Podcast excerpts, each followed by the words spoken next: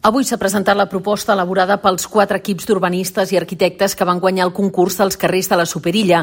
Han treballat conjuntament per sentar les bases que definiran els eixos verds de Consell de Cent, Rocafort, Girona i Comte Borrell. Tots aquests carrers tindran plataforma única, panots amb el mateix disseny que coneixem, però fets amb materials més sostenibles que cobriran de façana a façana i arbres tant als punts actuals com al mig del carrer. De fet, el verd passarà d'ocupar l'1% de la superfície a cobrir-ne el 10%. A tots aquests carrers l'asfalt s'elimina i el pas dels cotxes es restringeix als veïns i als vehicles de càrrega i descàrrega pels que no hi haurà àrees reservades, però sí horaris limitats.